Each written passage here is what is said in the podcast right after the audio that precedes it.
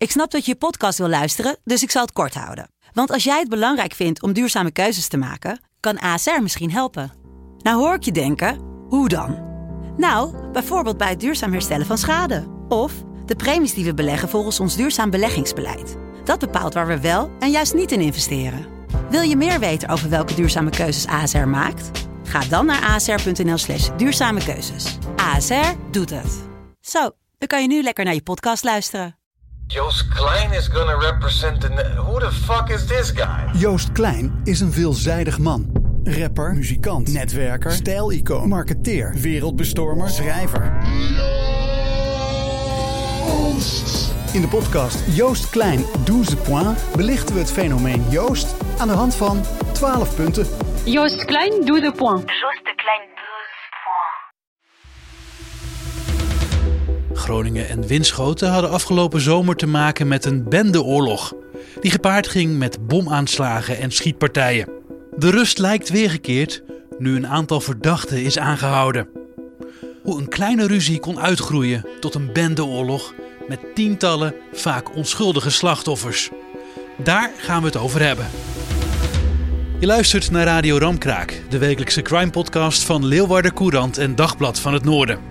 Iedere week praten de misdaadverslaggevers van deze kranten je bij over misdaad in Noord-Nederland.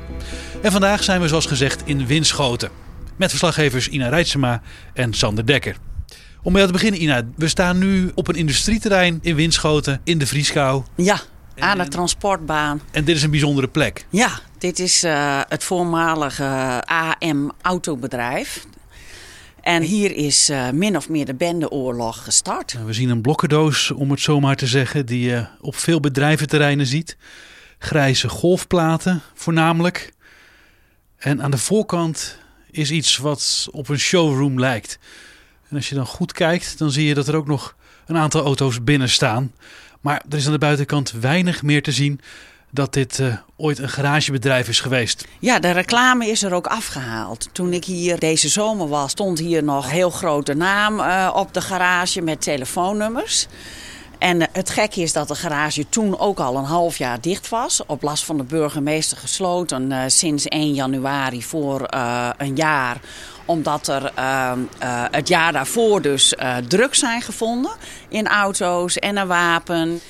Maar goed, die reclame is er nu dus af. Dus het is inderdaad een eh, heel kaal gebouw. Het garagebedrijf is van de familie A. En we noemen ze familie A omdat dat de eerste letter van hun achternaam is. En ze zijn verdachten, vandaar dat we niet een hele naam noemen. En die familie A heeft al een tijdje ruzie met een zekere Omar. En de mensen die om die Omar heen staan. En die ruzie, die onmin, is ook het begin van alle ellende. En die ellende begint in juli van dit jaar. In het centrum van Winschoten. Ja, er is in de familie A een eh, jonge zoon, Zino. En die ligt dus overhoop met een groep andere windschoters.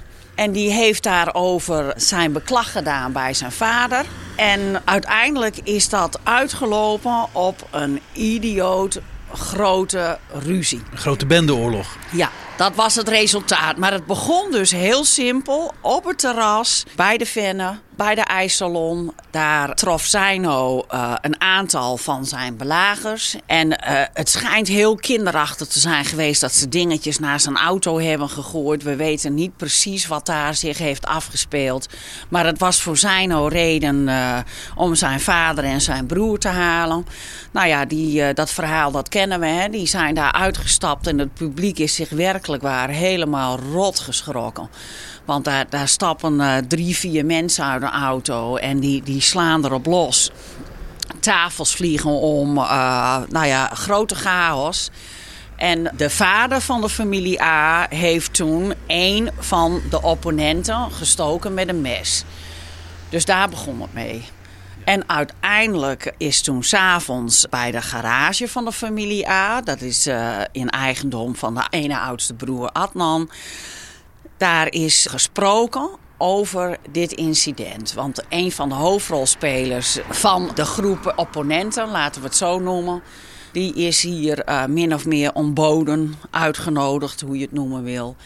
En die ging hier eh, toch min of meer niets vermoedend heen. Want Omar eh, heet hij. En dat is niet iemand die.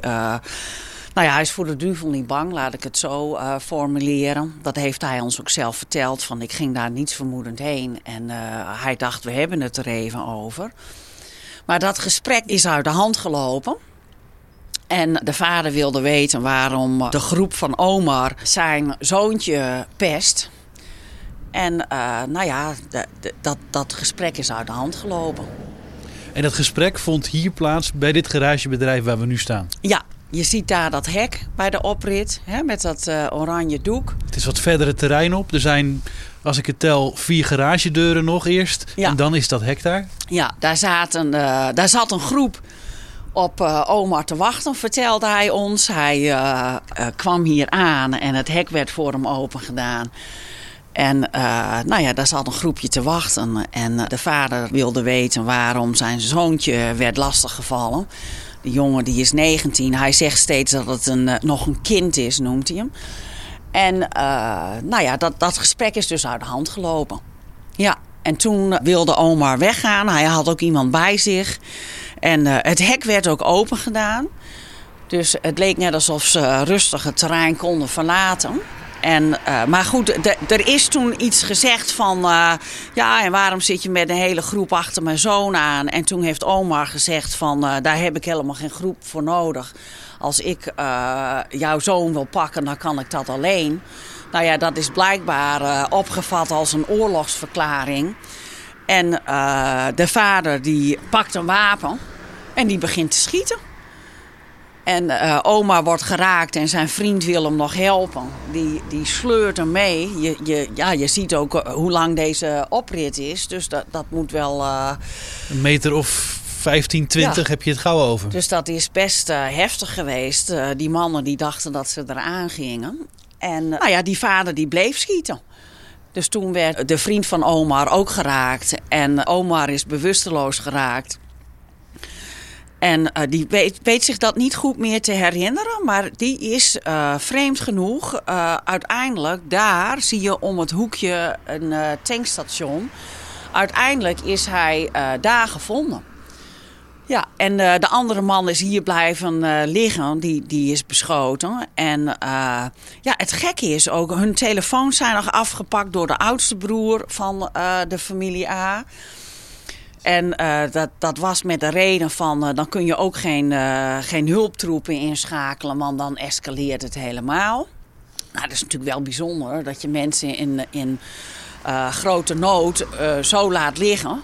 De, de andere broer, de eigenaar van de garage, die heeft zich er helemaal niet mee willen bemoeien. En eh, die is een andere kant op gelopen en zegt dat hij niks gezien heeft. En eh, nou ja, de hele boel is eh, uit elkaar gegaan. En de familie A is grotendeels op de vlucht geslagen die dag. Ja. Hoe is dat verder gegaan na deze schietpartij? Nou ja, uiteindelijk is de vader aangehouden. Op die dag zelf al of een paar dagen nee, later? nee, dagen later. Eh, het verhaal wil dat ze eh, via Turkije, eh, dat, nou ja, dat ze daar zijn aangekomen.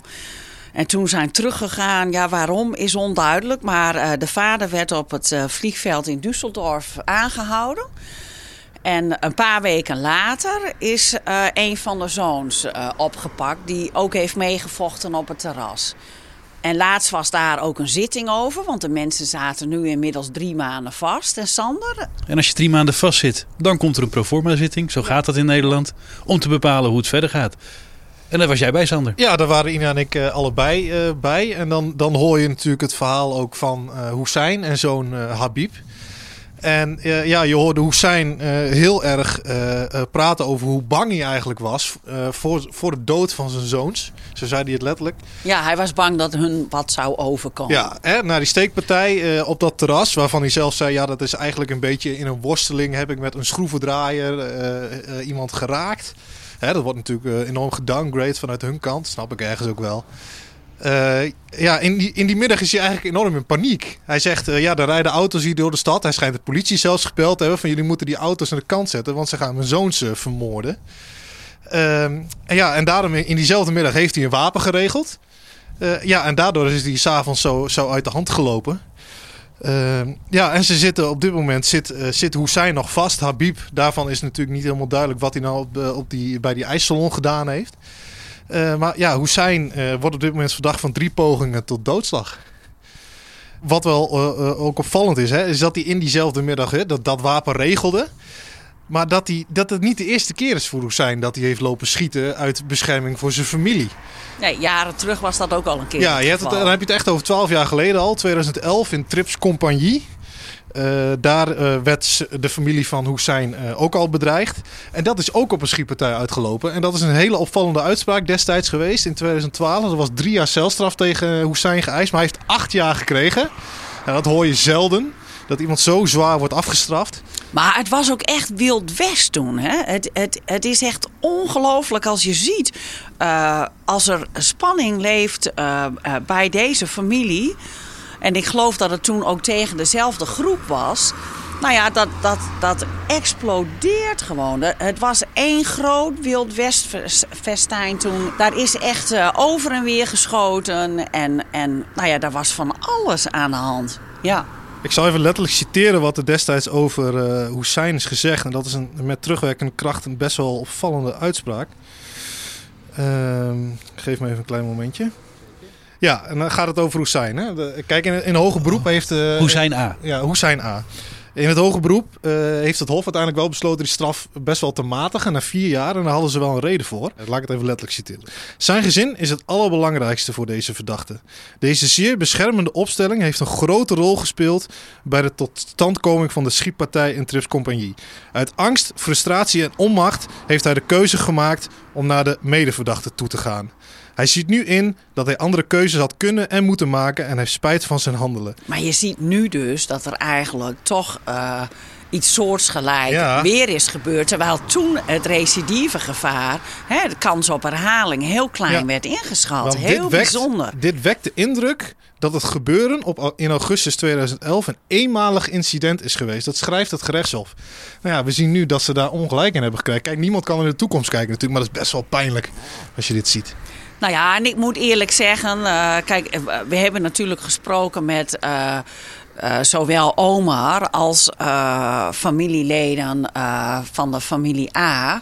Maar je schrikt toch wel een beetje hoe die in het leven staan, hoor. Want ja, als je ze een strobreed in de weg legt, hè, of als er spanningen zijn, ze, hè, wat die vader formuleert, ik ben bang dat ze mijn zoon iets aandoen.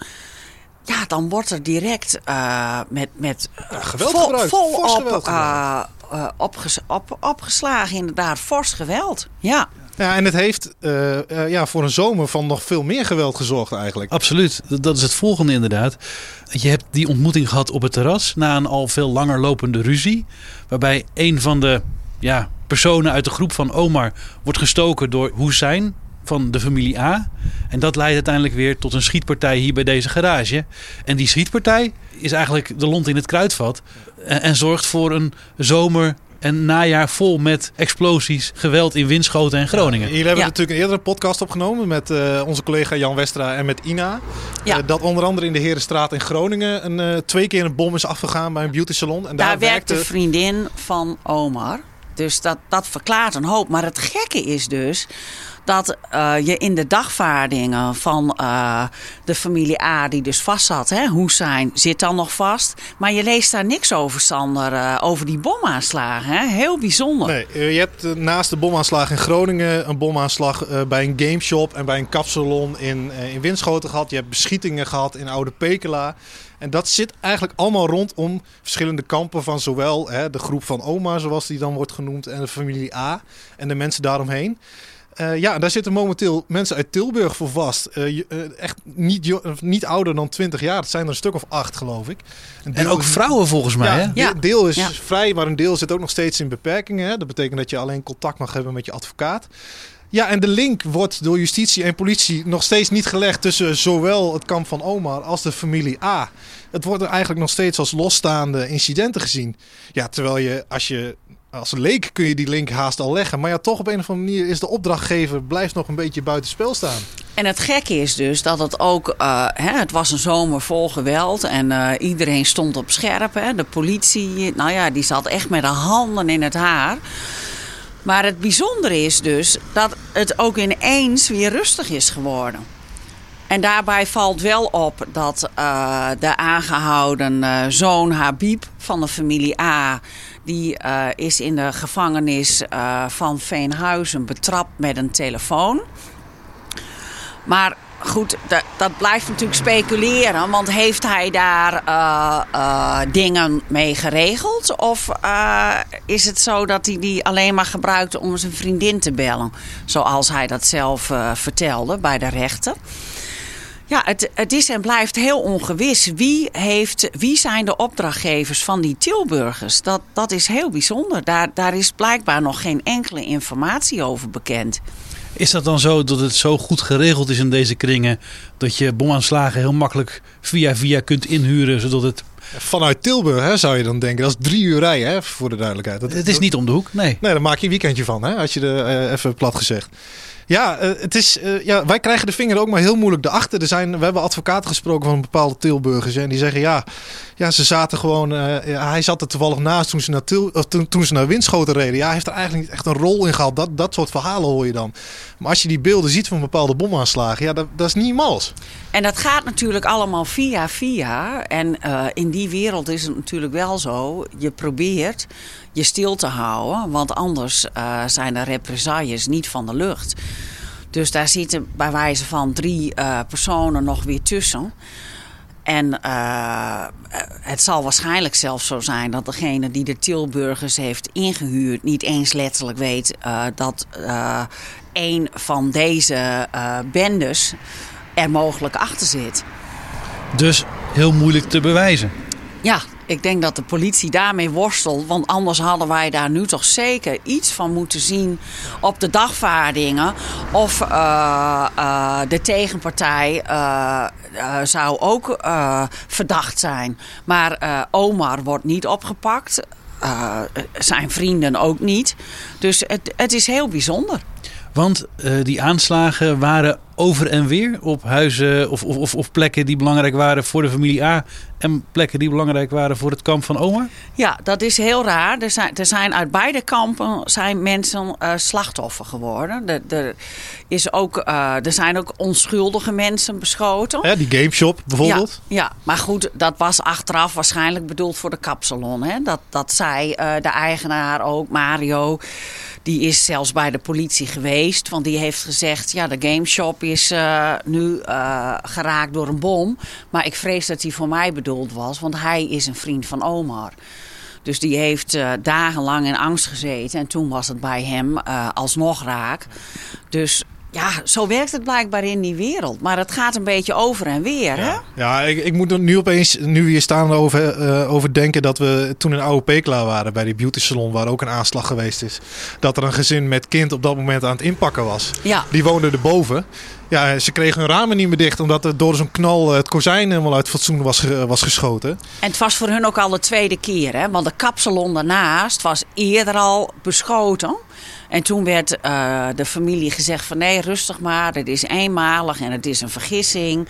En eh, door de gemeente en de politie. Zo van jullie lopen geen gevaar. Maar vervolgens kwam toen die enorme bomaanslag nog. Nou ja, dat, dat, gezin was gewoon volledig van de kaart. Heel jong kind. Ja, die, hebben, die zijn maar tijdelijk op een, eh, op een camping gaan wonen in de hoop dat, dat er snel een nieuw huis voor ze gevonden kon worden. De gemeente Pekela is er wel eh, behoorlijk mee, bezig geweest, hoorden, hoorden wij toen. Ja, maar ja, dat soort mensen worden, ja, die zijn nergens bij betrokken zou je denken. En die worden in zoiets meegesleurd. Dat is echt heel sneu om te zien. Omdat ze erboven wonen. Maar dat totale pand, dat is dan wel weer te linken aan iemand die bevriend is met de familie A. Dus zo gaat het over en weer. En dat wordt natuurlijk door beide kampen ontkend of er wordt niks over gezegd over die bomaanslagen. En de beschietingen op de cafés trouwens ook nog. Hè?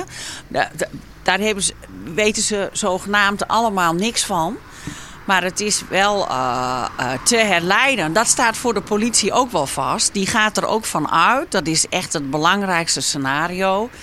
Dat eh, het wel met elkaar te maken heeft. Maar Ja, het wie- is ook te toevallig. Sander Kan. zei het net al, zelfs een leek kan zien dat dit met elkaar te maken moet hebben. Ja. Omdat bijna iedereen die te maken heeft gehad met zo'n aanslag te linken is aan een, van die twee partijen. Ja, precies. Aan een van beide kampen. Ja, en toch, zel- zelfs hè, wij, wij als jo- journalistiek kunnen daar wat vrijer mee omgaan. En hoe je bepaalde linken legt. Politie en justitie moeten dingen heel zeker weten. Want je wil ook niet nat gaan, zeker niet in zo'n dossier.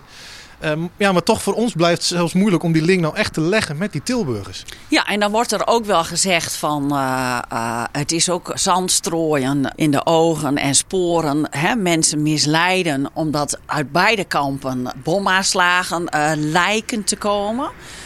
Maar daarvan zegt dan de tegenpartij weer van ja, maar dat eh, doen ze nu om eh, net te doen alsof wij het gedaan hebben. Maar wij hebben er niks mee te maken. Ja, dat is ook precies wat de advocaat van Hoezijn in de, in de rechtbank riep. Hè? Dat, eh, dat zelfs bepaalde getuigen, bepaalde verdachten opzettelijk hebben gelogen tegen de politie. Om maar, te doen lijken alsof de, de familie A nou ja, ontzettende zware criminelen zijn. Ja, daar, daar wil ik vanaf zijn. Daar weet ik het, het fijne niet allemaal van. Ehm, maar ja, de- ja, niemand in dit, dit verhaal heeft echt schone voetjes. Is er eigenlijk bekend eh, waar deze ruzie nou om begonnen is? Eh, we weten dat het mogelijk met drugs te maken heeft. Dat op RDL in deze garage zijn in auto's wel eens drugs aangetroffen. Ja, dat klopt.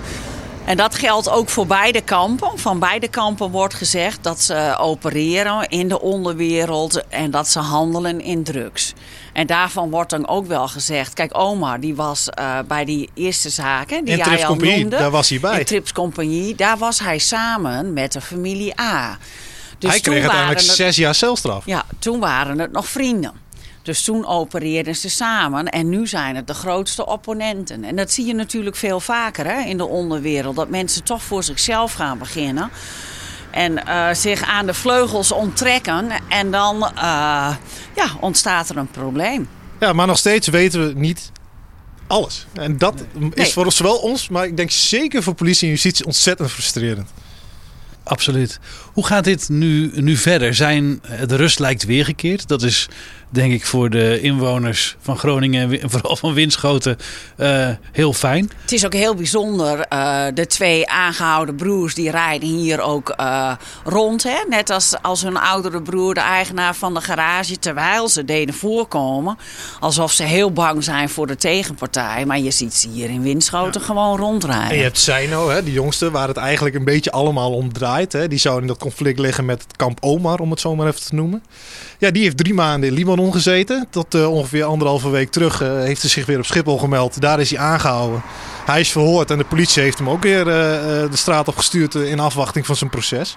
Dus ja, momenteel zit alleen Hussein nog achter de tralies op verdenking van drie pogingen tot doodslag.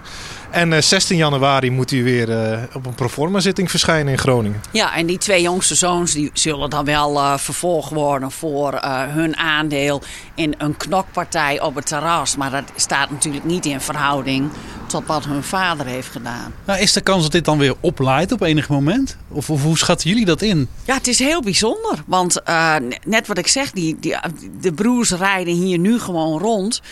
Terwijl toch ook eh, Kamp Omar hier eh, gewoon vertoeft Ja. in Winschoten. Dus ja, heel Ja, het, is, het is in golfbewegingen gegaan ook. Hè? Na de schietpartij hier is het meteen best wel stevig eh, losgegaan, om het zo maar te noemen, in, in, in Winschoten en Groningen. En toen in september was opeens weer een, een moment.